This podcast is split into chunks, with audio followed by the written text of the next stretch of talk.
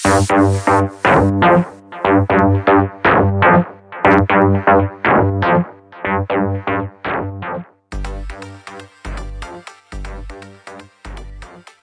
jeg gerne ønske velkommen til Mulighedspodden. Øh, og i dag så har vi Eva Charlotte Stenseth med som gjest. Øh, velkommen til deg. Tusen takk. Ja. Øh, og Mulighetspotten det er jo en podcast, som handler om at dele erfaringer ved at lage online-kurser. Og det er øh, os fire podcaster, som har startet den. Øh, det er Heidi, Hej. Anita, Hej. Linda Cecilie og mig, Pernille, som i dag er ordstyre. Øh, og grunden til, at vi startede op podcasten, det var jo fordi, at vi fandt ud af, at det var ikke så let bare at lave online kurs på egen hånd. Vi trængte nogen at prate med, og det har vi så øh, delt vores erfaringer med i sæson 1. Og i sæson 2, der har vi så inviteret ind spændende gjester og aktører, som driver med online kurs i Norge. Og derfor så har vi spurgt Eva Charlotte, om hun har, har lyst til å, å, være med, den takk ja til. Og der er sikkert riktig mange av dere som lytter, som kjenner hende fra TV-skjermen på TV Norge og også TV2, hvor hun har vært rapporter og journalist, øh, nyhedsanker og programleder. Øh, og det er klart, det er jo en veldig spennende erfaring øh, at kunne få lære noget af, og det har Eva Charlotte så valgt at gå online med, med sin kommunikationsskole, øh, hvor hun lærer, hvordan man skal have et bevidst og naturlig og unikt, øh, hvordan man skal være naturlig og unik foran kameraet. Og det ser vi rigtig meget frem til at høre noget om i dag, øh, og vi har jo øh, erfaring med, at det at høre andres øh, historier og hvad de har, har gjort sig erfaringer, det er utrolig inspirerende. Så kære lytter, følg med. Det her bliver spændende. Spids ørerne. og til dig, Eva Charlotte, velkommen til igen. Takk. Og det, som jeg tænkte, jeg skulle øh, have lyst til at høre med dig om først, det er, hvorfor var det, du bestemte dig for at gå online? Hvorfor bestemte du dig for at, at gå den vej? Ja, det er et godt spørsmål.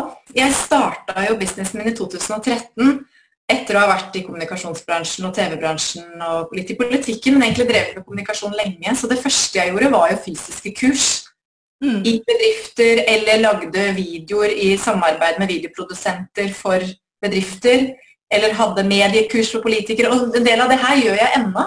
Men så kom jeg borti et nettkurs om å lage nettkurs. og da tenkte jeg ok, men det hørtes jo spennende ut, fordi eh, jeg er jo en som sikkert flere andre der ute, også, som har lyst på en mer fleksibel hverdag, kunne jobbe med flere uansett hvor de er. Og så tenkte jeg at det her må jeg bare teste ut. Så det jeg gjorde, det var jo at jeg da i 2014, den våren, våren det var vel våren, høst, tror jeg, som jeg da starta mitt aller første nettkurs. Og jeg hadde jo ikke lagd nettkurset da jeg solgte det. Nej. Jeg må bare finne ut, er det et marked for det der? Så jeg hadde først et online eh, gratiskurs på noen videoer. Og da jeg hadde fått 500 personer på min e-postliste, så tenkte jeg, oi, kanskje det er flere som vil lære om dette, kanskje det faktisk er et marked for å lage et større kurs. Så solgte jeg det inn, og jeg husker den kvelden da jeg hadde fått 20 påmeldinger, og jeg hadde vel 100 000 på konto eller noe sånt da, for da var det rundt 5000 per, eh, per deltaker. Så tenkte jeg bare, «Åh, gud, nå må jeg lage det kurset, liksom. For da skulle jeg starte et par uker etterpå, men da hadde jeg jo skissen klar. Men det var liksom første reisen jeg måtte teste, fins det et marked der ute? Og så Ja. likte jeg det veldig godt. Ja. Eh, så mange spennende mennesker på kurs, og siden den gang så har jeg holdt på lenge, så nå kjører jeg min 11. kursrunde nå. Ja, Veldig artig å høre. Altså det har vi også hørt på noen av de andre, vi har pratet med det her med. Det har liksom bare vært å hive seg ut på, og så, og så se der faktisk, der kommer respons. Og det er jo veldig godt å høre for oss som er veldig tidlig i løypen her. ja. Og jeg også kjenner meg godt igjen på det der at det der testet, og jeg hadde jo heller ikke laget kursen mitt før jeg, før jeg solgte det, og den der opplevelsen der, og så liksom tenker jeg, og nå skal jeg teste det, og så er det faktisk så mange som er interessert i det der sære greiene som jeg gjør da, tenker, tenker man jo. Det er en utrolig opplevelse, det er sånn skikkelig høy, høydere. Ja, det var det den kvelden. Jeg husker jeg hadde mamma og pappa på middag, og jeg løp inn og ut. Jeg bare for at jeg, jeg fikk sånn der varsel på mobilen, ikke sant? Når det kom inn en ny påmelding. Fikk jeg varsel fra PayPal, som jeg brukte den gangen. Jeg bare, «Åh, Gud, det er noen som melder seg. Å, Gud, det er noen som melder seg på. Så nærma det seg close på midnatt. Jeg bare, «Åh, Gud, det kommer flere. Jeg ble helt stresset, vet du. Men samtidig utrolig glad da, for at det fantes et et marked online som, um, som skulle vise seg å funke veldig bra, ikke bare for meg, da, men for veldig mange andre der som også ville lage nettkurs. Det var kjempegøy. Ja. Så hva er det, som driver deg? Hva er det, som er din store motivator for å holde på? Du sier du er i gang med noen ellevte runde nå. Hva, ligesom, hvad er det, som gør, at du, at du fortsetter? Eller? Ja. Ja, godt spørsmål. Jeg, jeg elsker jo å jobbe med mennesker. Og skulle jo gjerne jobba fysisk med alle, egentlig, men det er jo egentlig umulig hvis man skal få jobbe med så mange. Så for meg så er motivasjon å se at folk får bedre resultater med businessen sin når de bruker video, som det er det jeg lærer bort. Og det at det faktisk funker så bra, da. Og at folk virkelig klarer å komme over den terskelen det er å sitte foran kamera og kommunisere bedre, ikke minst få bedre tro på seg sjøl. For jeg merker så innmari godt det gjennom kurset at folk får bedre selvtillit. Fordi man må begynne å spisse det man snakker om og det man driver med. Og folk vokser så mye i det kurset. Så er det også det at jeg ser folk gjennom videoene. Og jeg syns det er så gøy når jeg kan se mennesker. Jeg føler jeg blir kjent med alle de som går kurset mitt, selv om jeg ikke ser de så mye fysisk. da. Hmm. Ja. Så, så motivasjonen er jo det grunnleggende den veksten jeg ser hos andre mennesker, og det at jeg kan connecte med så mye bra folk som også er en stor inspirasjon for meg. Mm. Så jeg blir jo ofte kunder av kundene mine. Jeg kan ikke gjøre det med alle, selvfølgelig, men det, har det skjedd at jeg bare Oi, du, det kurset må jeg ta, liksom. Eller det produktet må jeg ha. Ja, ja. Ja, for jeg tenker jeg går jo på kurs hos deg, og jeg syns du er helt fantastisk eh, i forhold til det her. Jeg tenker at jeg har masse å lære av deg. Og jeg tenker det som, det som egentlig jeg syns er interessant, er når du kan gi tilbakemelding eh, i forhold til hvordan du For vi alle har forskjellige personligheter, og når du ser det, har, det er din forskjell, der kan du gå, ikke sant. Og det er det jeg gleder meg mest til, for jeg er ved starten av kurset ditt. og og at du på en måte har den egenskapen er jo kjempespennende. Ja, for det er jo noe med det å ikke sammenligne seg med andre, men se det unike i hver enkelt. Og jeg er nok en type som alltid har likt det da, når jeg har holdt kurs også i bedrifter. Det å hente fram det potensialet i mennesker og få mennesker til å våge å være den de er. da. Mm. Og trå mer, enda mer utenfor boksen, ikke sammenligne seg som med andre der ute. Men ja, være unik, og det er jo det som også gjør at man skiller seg ut på nett. Ja. Så eh, kult at du sier det. Ja, jeg tenker at det er jo, altså jeg tenker Du er en foregangskvinne i forhold til det at vi skal slutte å sammenligne oss med andre. Altså Du, du får jo virkelig altså Du setter virkelig ord på eh, hver eneste persons unikhet. Eh, I hvert fall det jeg har sett. da, og jeg tenker at Det er så, det er så fantastisk bra. Du er liksom en sånn åh, Det er så godt! Takk skal du ha, sier jeg. Ja, men Så fint du sier det. Jeg, jeg, merker jo veldig godt i kurset at det gir, det gir meg veldig mye også når jeg ser styrkene til alle som går et nettkurs, ser styrkene som formidlere. Da, for vi alle har jo noe spesielt å komme med. Mm. Og hvis man kan dyrke det og bli enda bedre på det man er god på fra før, da, så er jo det som gjør den unik, egentlig. Jeg, jeg tar jo ikke kurset ditt ennå, da. Eh, det kan hende jeg kommer der. Men det jeg lurer litt på, fordi at dere snakker om å se folk, og da hvordan har du bygger opp nettkurset ditt eh, nå? For det er, det er noe modulbasert, og så er det noe, eh, noen samlinger og noen eh, timer du er sammen med de du har på kurs i de forskjellige gruppene. Kan du si litt mer om det, så jeg får litt mer inntrykk av det? Ja. Kurset mitt har jo seks eh, moduler som er bygd opp med ulike temaer, der vi aller først begynner å jobbe med det som jeg har kalt formidlingsidentitet, som for så vidt er en veldig kort merkevareprosess. Sånn quick fix, kaller jeg det. Skulle man jobba med sånn merkevare og branding på dypet, så måtte man jo brukt lengre tid. Men den første uka så jobber vi med det for å bli bevisst på hvem er det man ønsker å være kjent for der ute. Hva er det man vil folk skal si eh, når man snakker om deg og dere der ute. Når man begynner å bli synlig på video, så blir merkevaren mye tydeligere òg. Så jobber vi med det med målgruppa, altså Hvem er det man egentlig skal snakke til? Så Det er eksempel på modul 1. Og så er det ulike tema da, på seks moduler. Og så møtes vi da i Facebook-gruppa, hvor alle deltakerne legger ut videoene sine. Ja. Det er der jeg syns det magiske skjer. Fordi det er der man ser hvor forskjellige folk er. Mm. Og, det, og så møtes vi også til ukens webinar, der folk kan sende inn spørsmål som går utover selve videooppgaven. da. Okay. Som kanskje også dreier seg om å drive business på nett. Altså hvordan, Hvor skal man bruke disse videoene? Er det i sosiale medier? Skal man bygge opp et nettkurs? Så Der kan man stille de spørsmålene man har da, i kurswebinarene. Og, um, men den, der, den effekten av å se når folk legger ut videoer, og også den rausheten kursdeltakerne viser med hverandre og gir hverandre tilbakemelding For det er ikke bare jeg som gir feedback. Dere er jo så flinke til å gi hverandre feedback, Anita og Heidi, dere er jo med. Ja, og, og, det også er en utrolig styrke, tenker jeg, i, i, et sånt kurs. Fordi man får feedback fra veldig mange forskjellige typer folk innenfor trygge rammer om hvordan man oppfattes i en video. Så, og så blir man godt kjent, og der ser man også effekten av video. For når jeg f.eks. har kursdager live, så snakker jo folk sammen som om de har møtt hverandre før. Men de har jo ikke det. De Video, men det er liksom klem og tjohei med en gang. Som gjør at man får en sånn følelse av det her, altså video funker som format i den grad at man da blir godt kjent. da. Mm. Mm. Jeg har oppfølgingsspørsmål. Nei, det var to ting egentlig. Men hvor mange, fordi når du er så tett på kursgruppa di, så kan du ikke ha sånn mange på hvert kurs, kan du det? Altså Hvis du skal følge de tett, hvor mange er det i en sånn kursgruppe? Nå er vi nærmere 60 eller 55-60, husker ikke helt konkret, men det er ganske tett på limit. for, for, den metoden jeg kjører nå, det er mulig jeg skal kjøre en litt annen variant neste gang med to ulike pakker, kurspakker. Sånn at jeg har en grunnpakke og en VIP-pakke. Jeg har hatt det før. Ja. men det får jeg se litt på. For det er klart at hvis jeg går for eh, å ta inn over 100 deltakere, da, som på en måte kan være mulig hvis man kjører enda um, enda mer offensivt ut eh, på annonser, annonsere bredere og alt det der, så kan man jo få flere inn. Men da må jeg legge om litt kursstilen, da. For jeg rekker ikke å gi tilbakemelding til 100 stykker hver uke. Jeg syns det var voldsomt med 60, ja. ja. Kan jeg spørre, Hvor mange kurs er det du tenker eh, er optimalt å kjøre i løpet av et år? Jeg har to, men uh, i år så kan det se ut som det blir tre. Dvs. Si denne og så to til. Ja. Jeg er i eh, dialog. Jeg har en som hjelper meg med alt det tekniske nå.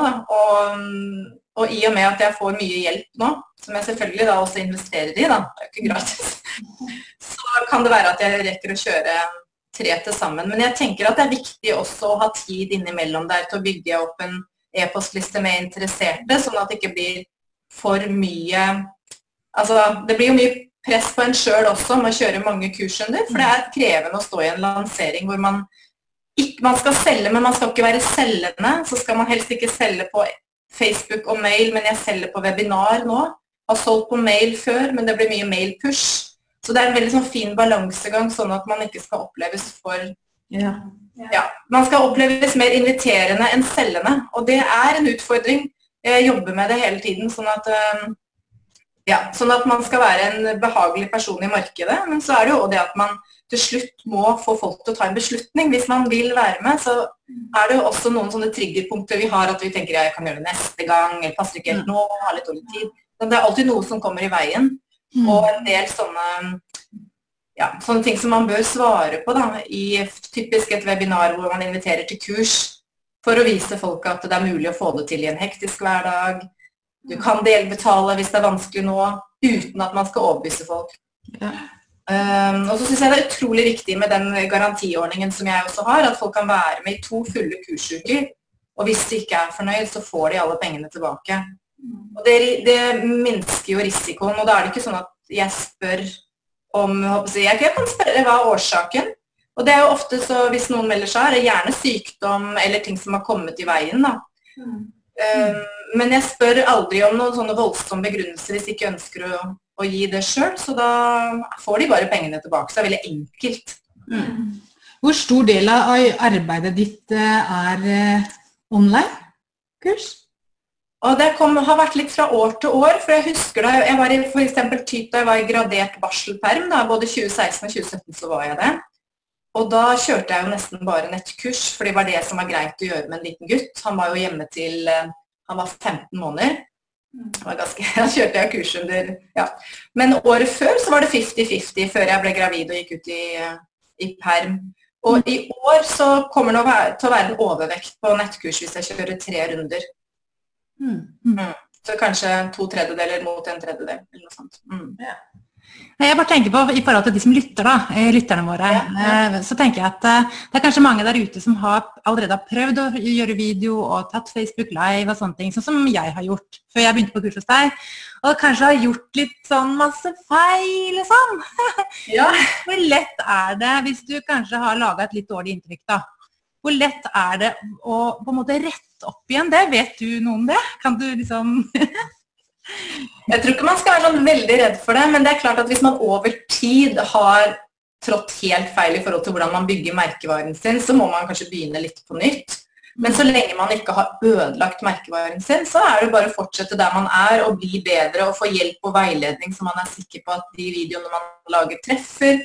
At man, um, at man kjører uh, videoer og Facebook Live eller Instagram Live eller hva man vil, som da virkelig er retta mot den målgruppa man har, da, så man ikke blir faller mellom mange stoler. Så er det, kommer an på hvor mange man når. for Hvis man har nådd titusenvis, liksom, så er det klart at man har kanskje bygd en merkevare som man må justere. Men um, så lenge man ikke har dumma seg helt ut, så tenker jeg folk glemmer fort. Og det er akkurat som det vi leste i VG for to dager siden, har vi liksom glemt litt. Ja. så jeg ville ikke vært redd for det. Mm. Men eh, det er bra å få litt uh, hjelp og veiledning, og det er jo flere enn meg der ute som kan bidra med det. Mm. Men, uh, men, det er nok lurt, tror jeg, da, i en sånn fase hvor man skal være veldig synlig på nett og ha noen som gir litt feedback på det man gjør, sånn at man føler seg trygg på det som kommer ut i andre enden. At det holder, liksom, holder mål eller er i tråd med det brandet man vil bygge. Ja, for det er det som jeg, jeg synes du er veldig god på det å bygge opp hva du skal si i forhold til videoene. For det har i hvert fall vært en utfordring for meg, og sikkert også for lytterne og dere også. Når du skal legge ut en video, hva skal jeg skrive? Hvordan skal jeg engasjere? ikke sant? Det er det som er ah, Hvorfor blir ikke folk engasjert? Ikke sant? Ja. Du er veldig god på det. Ja, takk. Eh, takk for det. Det er jo mange som, eh, altså mange som er gode på det der ute også. og jeg tror mye handler om det. En er jo det å være engasjert sjøl, selv, selvfølgelig, men det er disse små tingene som å stille noen spørsmål underveis i videoen som er veldig lette å svare på. Ikke sant? Sånn veldig sånn fort gjort i farta. Så, så, hvis jeg er ute og rusler med mobilen og tar opp uh, en eller annen Facebook Live uh, og stiller spørsmål du, nå, som jeg gjorde i en video som jeg kjørte for en stund siden. Du, når jeg er ute og går med bare mobilen og en gimbal. Jeg bruker ikke ekstra mikk. Hører dere meg godt? Er lyden god nok? Ja, nei. Ikke sant? Det er bare en sånn liten ting. Hva slags mitt bruker du? Altså, jeg vet, jeg vet, ikke hva dere kan stille, men i forhold til det dere driver med, sånn veldig kort, som er bare sånn slukk, så får de svart uten å tenke seg om. Mm. Har man noen sånne korte underveis, og gjerne i starten da når man begynner å lage video, skrive ned de tre-fire korte spørsmålene på forhånd, så blir det mer naturlig å bake de inn etter hvert. Men i starten må man minne seg på det, og jeg òg må det faktisk. Hvis ikke så glemmer jeg å stille spørsmål. Jeg må også minne meg på at oh, nå må du huske at dette er ikke en enveiskommunikasjon, jeg skal ha en dialog. Det Jeg må oppfordre til den dialogen uten at det er et sånt 'hva vil du med livet ditt?'-spørsmål, for da er det ingen som Det må være sånn pengkort og konsist. Mm. Hva syns du har vært den største utfordring i de år du har holdt på? Du sa du startet i 2014? Ja, med nettkurs i 2014. Ja. Hvis du skal se tilbake over de år frem til nå, hva syns du har vært den største utfordring? Og det tror jeg faktisk er at jeg i perioder har gjort alt sjøl. Ja. Og at det har blitt overveldende. Ja. Og at man da har fått mindre tid til det faget sitt som man egentlig elsker mest. Mm. Fordi um, jeg lærte meg å bygge opp nettkurs, jeg lærte meg å bygge opp en portal, jeg kan lage Facebook-annonser, jeg kan lage landingssider, jeg kan koble de sammen med ulike program. Altså, you name it, jeg kan det meste. Men etter hvert så skjønte jeg at det her tar mye tid og krefter, og jeg er på en måte glad jeg lærte det. Men det gjorde òg at det med nettkurs ble en belastning en periode, fordi det ble så mye, da. Mm. Og det å våge å leie inn mer hjelp og sette bort ting, selv om det er en kostnad, det gjør også at omsetningen kan øke, fordi at du mm. Og du kan jobbe med flere fordi du har mer kapasitet, da. Yeah. Um, og jeg er litt sånn kontrollfrik, så min utfordring har kanskje vært å slippe kontrollen litt da, og gi den over til andre. Og Det er måske også veldig lett når man er i en sånn oppbygningsfase med å få til online og så skal gjøre alt selv. Men jeg synes det er interessant å høre at, at uh, din erfaring med at det kanskje kan være lurt å, å få noe hjelp og sette noe bort, ikke skulle gjøre alt selv. For, for jeg, jeg kjenner også litt på det der at det er så mye jeg har lyst til å lave kurs på, men det er alt det andre hele tiden. Mm. Ja, så det er, var interessant å høre, ja. Men hva, jeg også sitter jo med det samme dilemmaet, på en måte. Har jo holdt på noen år. Men jeg tenker, hva er det du ser at du kan outsource? Hva er det du kan, hvilke tjenester er det du kan gi til andre som du ser er greit? Ja, Det jeg outsourcer nå, det, outsourcer, det er eh, Facebook-annonsering bl.a. Mm. Det gjorde jeg før sjøl, men det var mye lettere før. Det har blitt mye tøffere å nå gjennom annonser nå. Det hører jeg veldig mange sier også. Kanskje lett i starten når man er ny og er en fresh uh, nyhet der ute. Men uh, nå som jeg har holdt på en stund også, så må man segmentere mer. Man må kjøre remarketing, man må følge med på hva som treffer, man må justere hele tiden. Mm. I stedet Før kunne jeg kjøre én Facebook-annonse i en hel og pluss organisk, dvs. Si videoer jeg bare legger ut sjøl uten å betale for. da. Jeg kunne mm. kjøre kanskje én annonse eller to, og så lage andre vanlige videoer og kjøre de hele perioden. Nå må jeg kanskje ut med seks ulike Facebook-annonser, fordi de går fort tomme, eller de blir fort dyrere da. Mm. Med en gang de har ligget ute noen dager. Så må man skifte. Og, og, det å ha noen som virkelig kan det faget og sitter på en måte og justerer hele tiden og ordner det, syns jeg er veldig veldig deilig, rett og slett. Så jeg kan bare ut og lage de videoene, sende de over til han, og så er den jobben ja, noen andre sender, da. Mm, og også det faktisk å lage landingssider og lage de fysiske eller ja, sidene på nett, da, der folk melder seg på til gratiskurs, melder seg mm. på til webinar. Det sparer meg for veldig mye tid. Ja, ja. Hva, hva, tenker du om fremtiden i forhold til, nå sier du Facebook-annonser Facebook er blitt mye vanskelig osv. Øh, hva tenker du, altså det, det er vel også litt det, vi sidder med følelsen av, at Facebook begynner på en måte å, å være litt brukt opp, eller Mm. Hvor går veien? Hva ser du for deg? Hva, hva, for eksempel i forhold til annonsering, men også i forhold til deg, der har holdt på så lenge med å få, få nye kunder eller folk på listene osv. Hva, hva tenker du om fremtiden? ja, og det er um, helt klart at det kommer til å skje masse endringer. Og det spås jo nå av de som er i front på det her i uh, USA, at det er ikke lenge før det blir tøft for oss som er mindre aktører å være på Facebook og annonsere, fordi at det nyhetsfeeden begynner å bli full. Ja. Og, og, det spås at Facebook da kommer til etter hvert også legge ned muligheten for å annonsere hvis du er for liten. Da, at du må bruke mer midler for å være der. Nå skal ikke jeg si helt konkret, men det her har jeg jo da fra folk som jobber med Brendan Bushard og disse store i USA. Eh, så, så, at det skjer noe der som gjør det vanskeligere for oss mindre og selvstendige, da, det er jo helt klart, men eh, Instagram er jo også en mulighet, så der bruker jeg også, også midler. Men, eh, men, det de sier nå, er at vi må være også veldig mye mer på å gjøre mer organisk, altså gratis, og skape eget engasjement. Fordi Jo mer engasjement jeg får på videoene mine og Facebook-livene mine, jo billigere blir annonsene, fordi Facebook også da ser at hun er ute der. Hun bare presser ikke på med penger, men hun er der ute og er aktiv og er i dialog med de som er interessert. Ja. Og da betyr det på en måte for Facebook ok, det er faktisk en side som ja, Hun har en dialog, eller denne Facebook-siden eh, spammer ikke, men ja, er i kontakt med folk ute på Facebook. For de vil jo at Facebook skal være en plattform der vi snakker med hverandre. Ja. Men det har Zuckerberg vært veldig tydelig på. Men jeg tror jo at det kommer andre, andre plattformer inn etter hvert, og at man bare må følge med. Sånn som når det ikke funker mer på Facebook, eller hvis det blir for liten plass der for oss små aktører, så må vi bare følge med og skifte plattform, rett og slett. Ja, det da. Instagram kanskje det kommer noe nytt. Ja. Det er jo derfor jeg tror at det er den smarteste biten etter hvert å sette bort for de fleste. Fordi det kommer til å være eksperter på det her. Og at vi er eksperter på fag, mens andre kan det med marketing. da.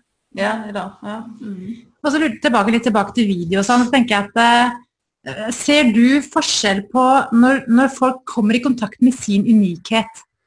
Ser du forskjell på hvordan de eh, når ut i forhold til før de var i kontakt med deg? Du noe, kan du liksom, Hvis jeg forstår spørsmålet mitt, da? Ja, jeg forstår spørsmålet ditt. Ja, eh, det ser jeg jo. Har jo hatt kursdeltakere som sier det til meg. Når, som, som, kommer til meg og sier at å Eva, når jeg turte å være sårbar, så fikk jeg plutselig mye mer respons. Type eksempel. Og så har du Annabelle Stefanussen, som er jo et sånt supereksempel som jeg vet også mange bruker som eksempel. Hun har gjort det veldig bra, men hun også da hun på en måte vågde å bare blæ være seg sjøl der ute, da.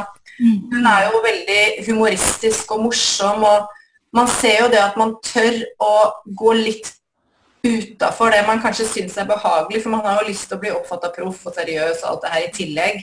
Men når man tør å leke seg litt, da, mm. eller vise egen sårbarhet, så funker jo det veldig veldig bra mm. mot den målgruppa man har.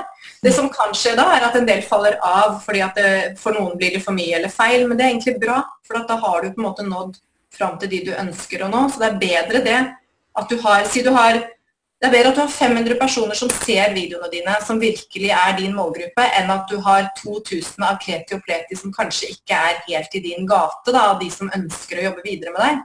Mm. Så det er også viktig at man skal ikke være så redd for å miste folk, da.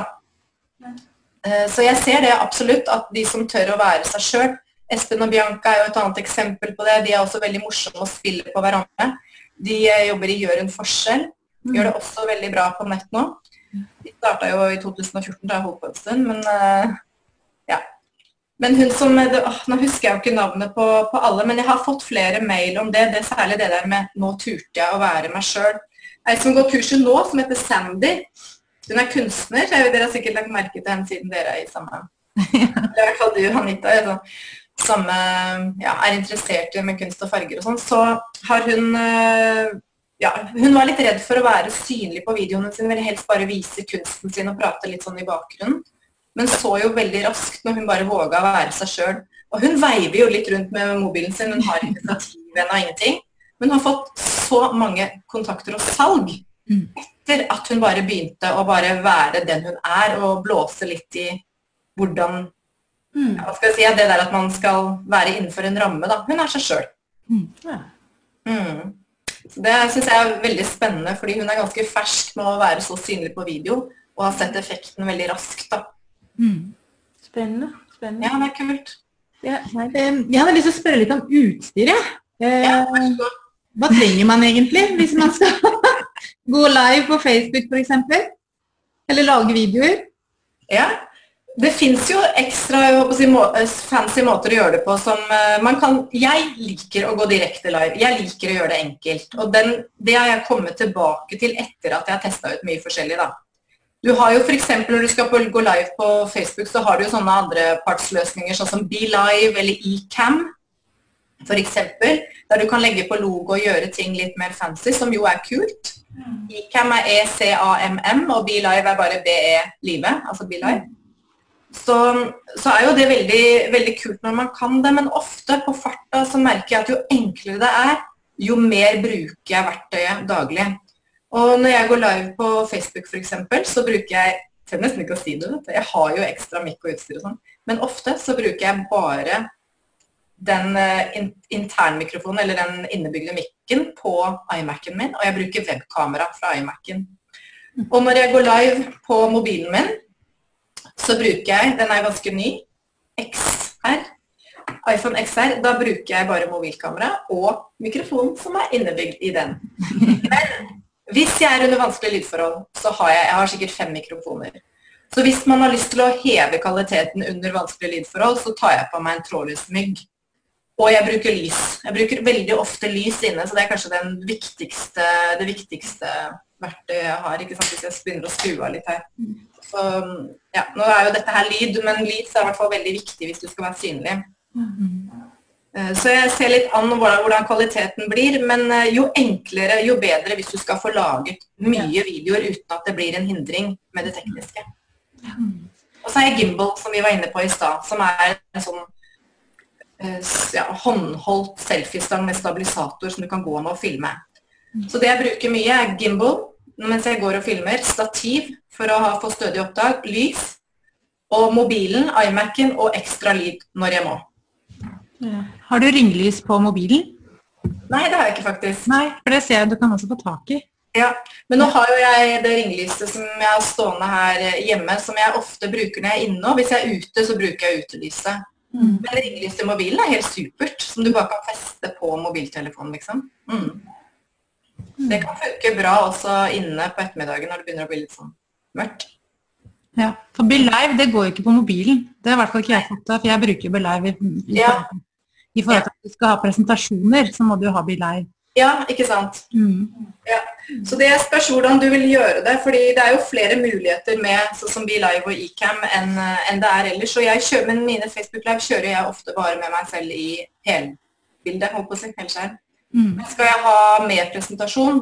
For du kan jo velge mer presentasjon rett på Facebook, men da syns det jo ikke sjøl.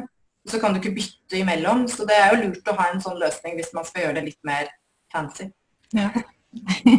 hvis man skal ha noen workshops innimellom, så er det greit å ha Ja, ikke sant. Men så er det det med å kjenne også sin egen terskel. fordi det jeg sier til kursdeltakere og sånn, gjør, gjør, det så avansert som du må, så enkelt som du kan i forhold til der du er teknisk. For Hvis man er veldig interessert i det tekniske, så kan man jo avansere så mye man vil. Og jeg har jo også kamera som jeg bruker innimellom, hvor man får den defokus-bakgrunnen som ser veldig fortere, mer proft ut. Men, eh, men, hvis man kjenner at det tekniske er en stor terskel, så gjør det heller enkelt. Mm. Mm. Det er det beste rådet. Ja. Hva ellers jeg tenker på, hva, hva, tror du er din suksessfaktor for å ha lykkes? Hva er den? Klar å på det? da blir det stille litt først. Jeg tror det handler om at eh, jeg brenner for det jeg driver med. Ja. Jeg hadde klart å holde på så lenge hvis jeg ikke virkelig brant for det jeg driver med.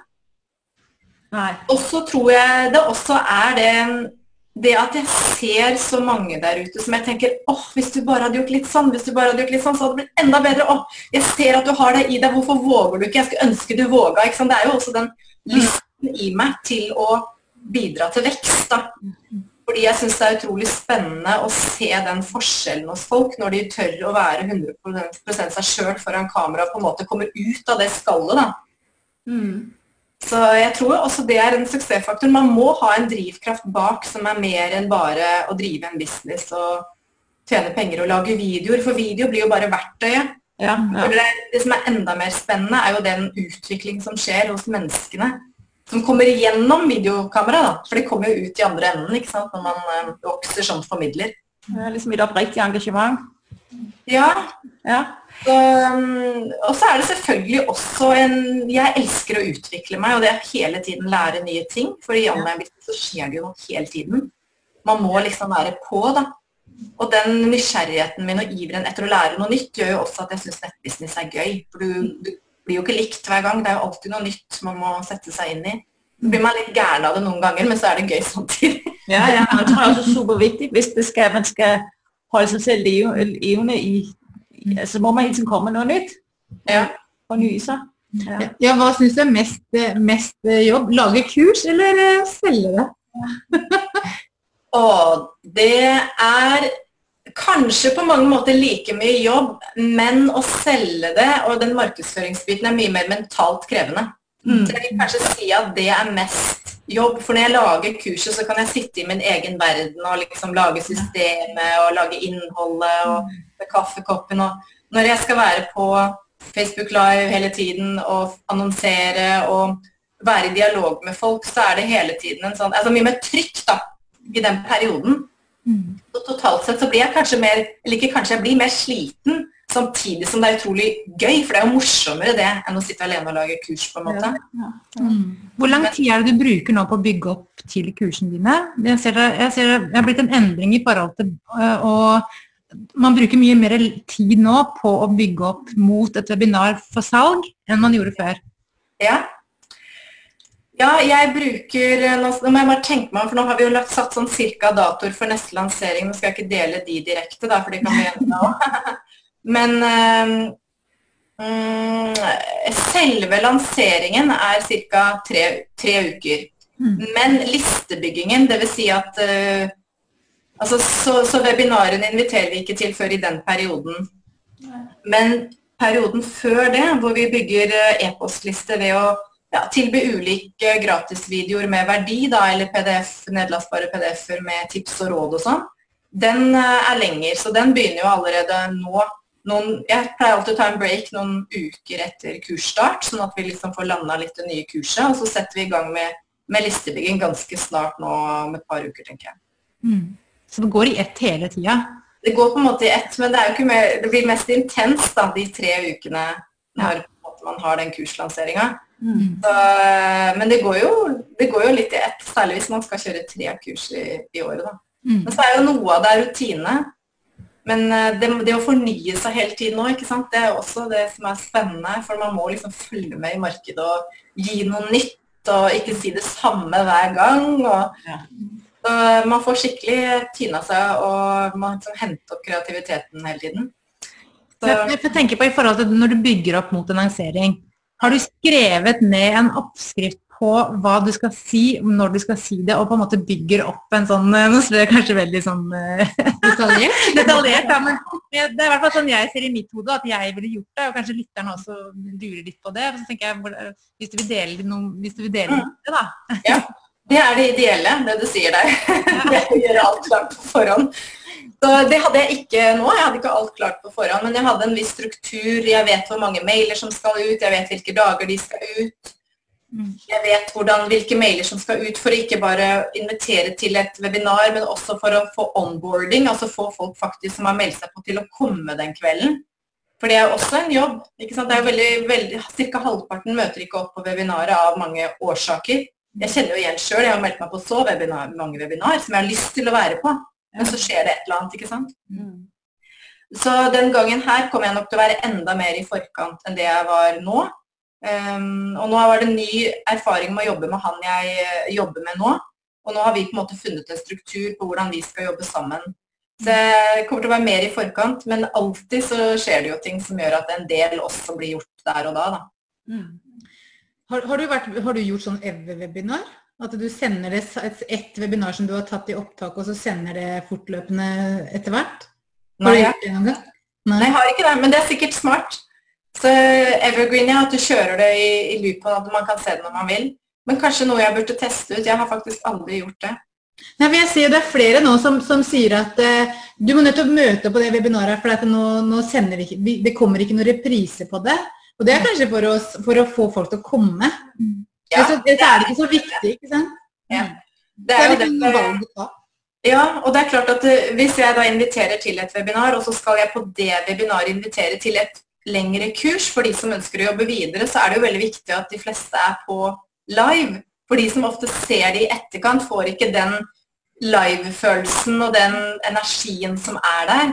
De ser det kanskje et, Jeg har jo folk som melder seg på fordi de har sett opptaket også og vil jobbe videre, videre med meg den, av den grunn, men de fleste melder seg på rett etter webinaret eller dagen etter fordi de har vært med live. Hvis, hvis de da ønsker å jobbe mer med, med video for feedback og alt dette her og gå kurset. Så det er kjempeviktig å få folk på. Og det, ja, det, er, det er spennende den biten der. Så det er derfor vi gjør det samme. Vi hadde ikke noe opptak av webinar 1. Webinar 2 så la jeg et opptak ut i 36 timer. Så det var liksom, eh, og så er det også en diskusjon rundt det. Bør man kjøre webinarene sine parallelt på Facebook samtidig? For via Zoom så kan man jo det. Eh, Jeg gjorde det nå på første, men, nei, ikke, nei, ikke på første, men på andre, men tror ikke jeg kommer til å gjøre det neste gang. Fordi man vil helst ha folk der og da, og ikke at de da hopper over til Facebook og finner på alt mulig annet, for der dukker det jo opp masse forstyrrelser, ikke sant. Ah, ja. Det er mye som er spennende når man skal ha en dialog med folk, for man vil jo gjerne holde den oppmerksomheten og virkelig gi de først den verdien da, som man får i et webinar. For det er jo himla mye verdi som ikke har med selve nettkurset å gjøre. Mm. Og så vil man da ha de der til slutt, de som vil være med videre. Mm. Så det er, det, er en, eh, det er et fag. Ja, det er faktisk et fag, og jeg lærer så mye hele tiden. Og så det du spurte om i stad, hva som driver en og sånn, det er jo veldig mye det òg. Den derre hele tiden å være i læring og få feedback fra folk som står på e-postlista, og så får man en litt følelse av dette var bra, dette var ikke så bra, dette må jeg justere. Kjempegøy. Og så tenker jeg Det er jo en, en, en personlig utvikling av det helt store. Det er i hvert fall min erfaring etter å ha begynt med det. Og for Du møter så utrolig mye, nå snakker jeg veldig mye om sabotøren og sånn. Jeg tenker at det, det å på en måte gi slipp på den og forstå hva det handler om, og komme seg videre, det er jo så utrolig viktig. Innmari viktig. Ja. Innmari viktig. Og, og det tenker jeg ofte på når jeg står opp om morgenen. Så er jeg liksom litt fokusert på hva kan jeg gjøre i dag for å på en måte heve nivået på det jeg gjør, da, og gjøre det enda bedre. Og strukturere meg bedre, nå målene mine raskere, jobbe mer effektivt, liksom lære det jeg skal på Altså den hele tiden den følelsen av å strekke seg, da. Mm. Det Altså du Det å ta vare på deg sjøl, tenker jeg. ja, det Det er er ja. kjempeviktig. ja. Det er jeg mindre god til. Jo, i hvert fall, men så tenker jeg at min erfaring er det at hvis du, hvis du tar for lite vare på deg sjøl, så er det så fort at sabotøren tar overhånd, og så gir man opp. Det er sant. Mm. Det er veldig sant. Så mm.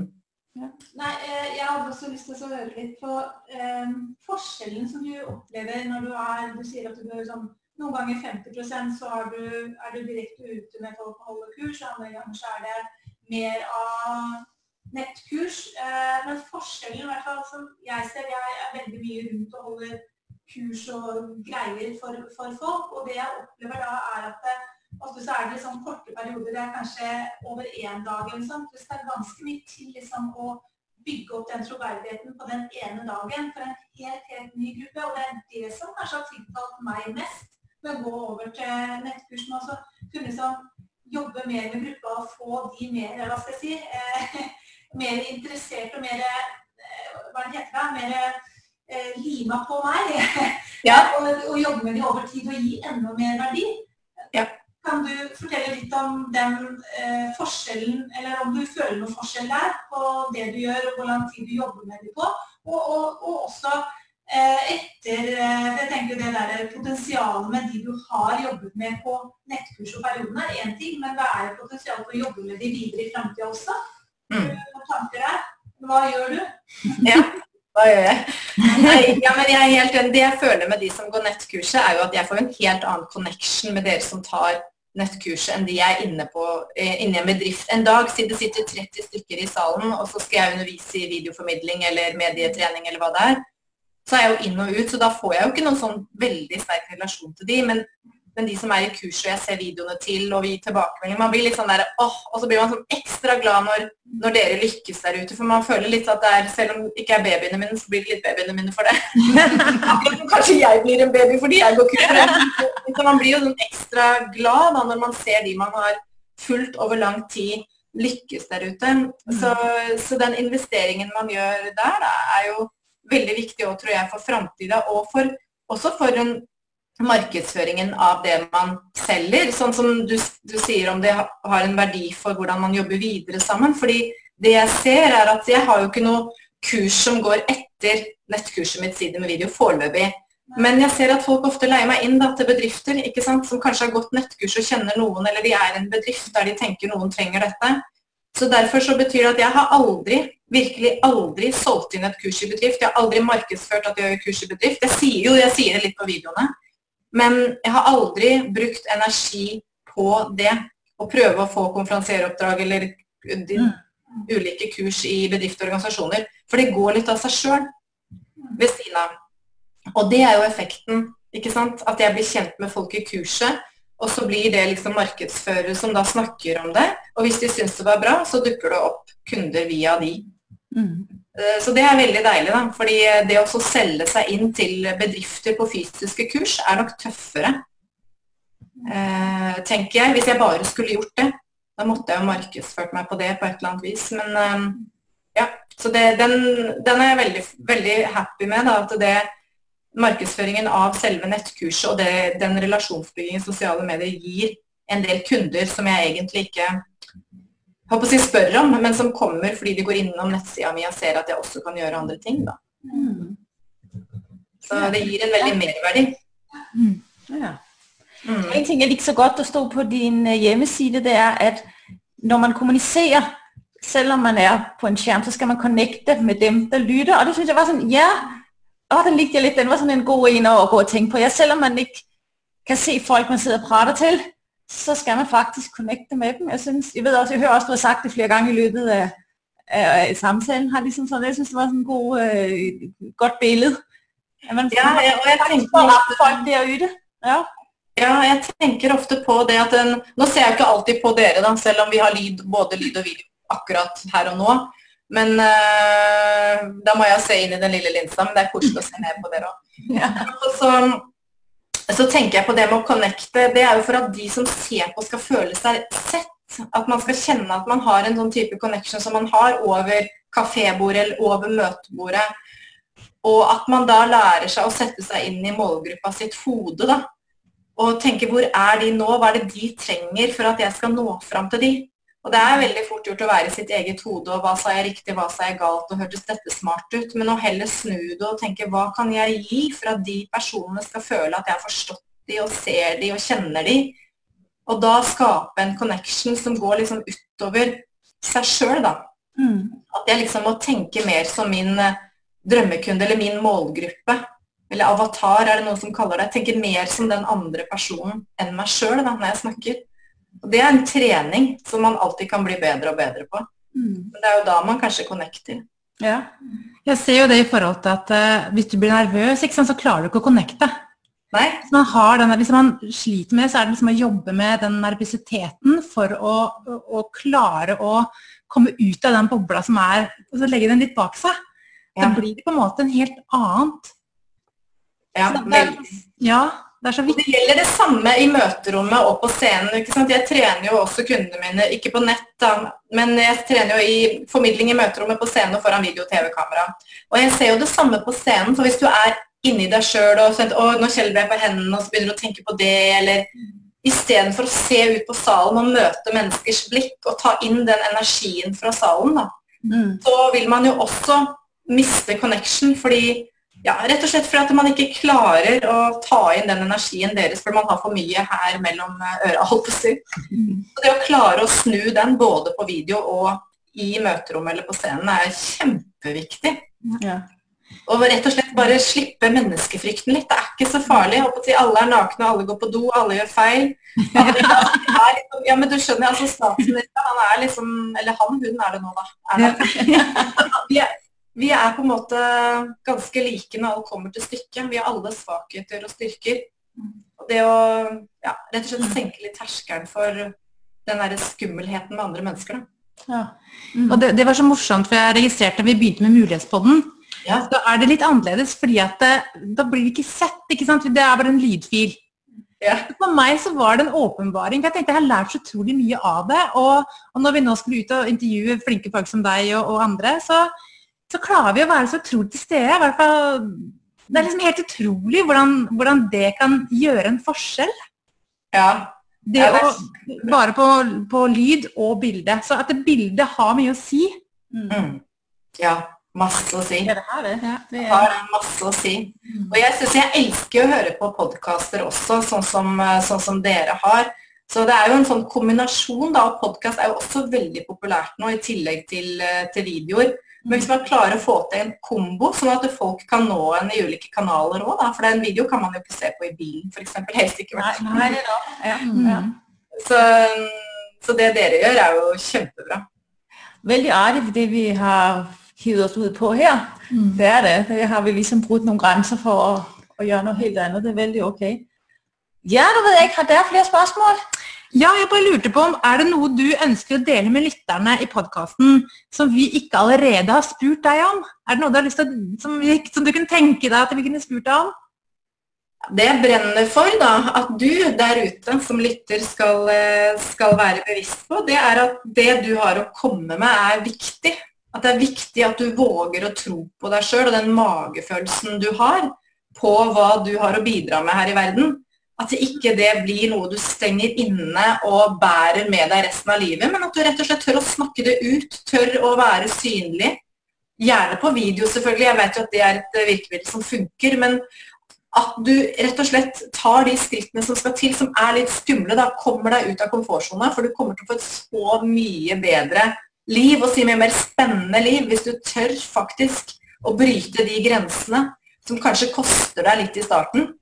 Så det vil jeg jo si til dere som er lyttere. Våg å kaste dere uti det. Som jeg sa en gang i et intervju, også gi litt mer F. Skal ikke banne på podkast, men Jo da. den der perfeksjonismen og tro på deg sjøl. Det er viktig at du syns, det er viktig at du tør å, å bidra her i verden. Fordi vi trenger hverandre, og du er viktig. Det du har å gi, er viktig. Ja, veldig bra sagt. Tusen takk. Ja, Du er så, Kjempebra. og det er det jeg sier, du er så god på det med unikhet, det med slutte å sammenligne seg. Og jeg- altså, jeg bare elsker deg for det. Du syns det er fantastisk. Eh, Jeg ville bare spørre, hvor, hvor finner lytterne deg? De finner meg på Facebook. Der har jeg en side som heter evacharlotte.no, som er det samme som nettsiden min. Så, så der finner man meg, og der eh, kan man også finne lenker på nettsiden min evarsalotto.no til Instagram eller LinkedIn eller Så er det Facebook jeg bruker mest når jeg går live osv. Men, eh, men så vil du lese litt mer om meg, så er det jo også på nettsiden, da. Ja. Mm. Ja, superflott. Tusen takk fordi du hadde lyst til å være med, og alle dine gode tips og innspill og gullkorn. Veldig, veldig ok, og utrolig inspirerende å snakke med deg. Og, Tusen og lov- takk ja da. Jeg fikk være med. Ja, og så også takk til alle lytterne, som har lyttet på her. Håper også, de har fått mye ut av det. Takk til Heidi og Anita, Linda Cecilia i, i mulighedspotten her. Og så øh, oppfordrer alle der lytter, hvis der øh, følger oss på Anchor eller iTunes, og gerne rangerer oss ind på iTunes, så kommer vi højere opp på listen. Og man kan også følge oss på Facebook og Instagram, og også opfordre alle der lytter, hvis der øh, deler os, eller liker os, eller os med hashtag. Og der kan man gerne bruge Eva Charlotte og mulighedsporten. øh, sådan så endnu flere kan få glæde af de her guldkorn, og også de andre episoder, som vi har. Mm. Øh, for det er så utrolig inspirerende at høre andres erfaringer, og specielt de, som er lykkes. Det er utrolig godt at høre, at det har heller ikke bare været lige rette vej fremover. Der har også været lidt sving og, og, og øh, fejltagelser og lidt forskelligt. Sådan det er utrolig inspirerende at høre. Mm. Så tusind tak. Tak fordi du stillede op, Eva Charlotte. Tak skal du have. Ja, og så siger vi uh, tak for os her, og så på gensyn. Hej. Hej. Hej.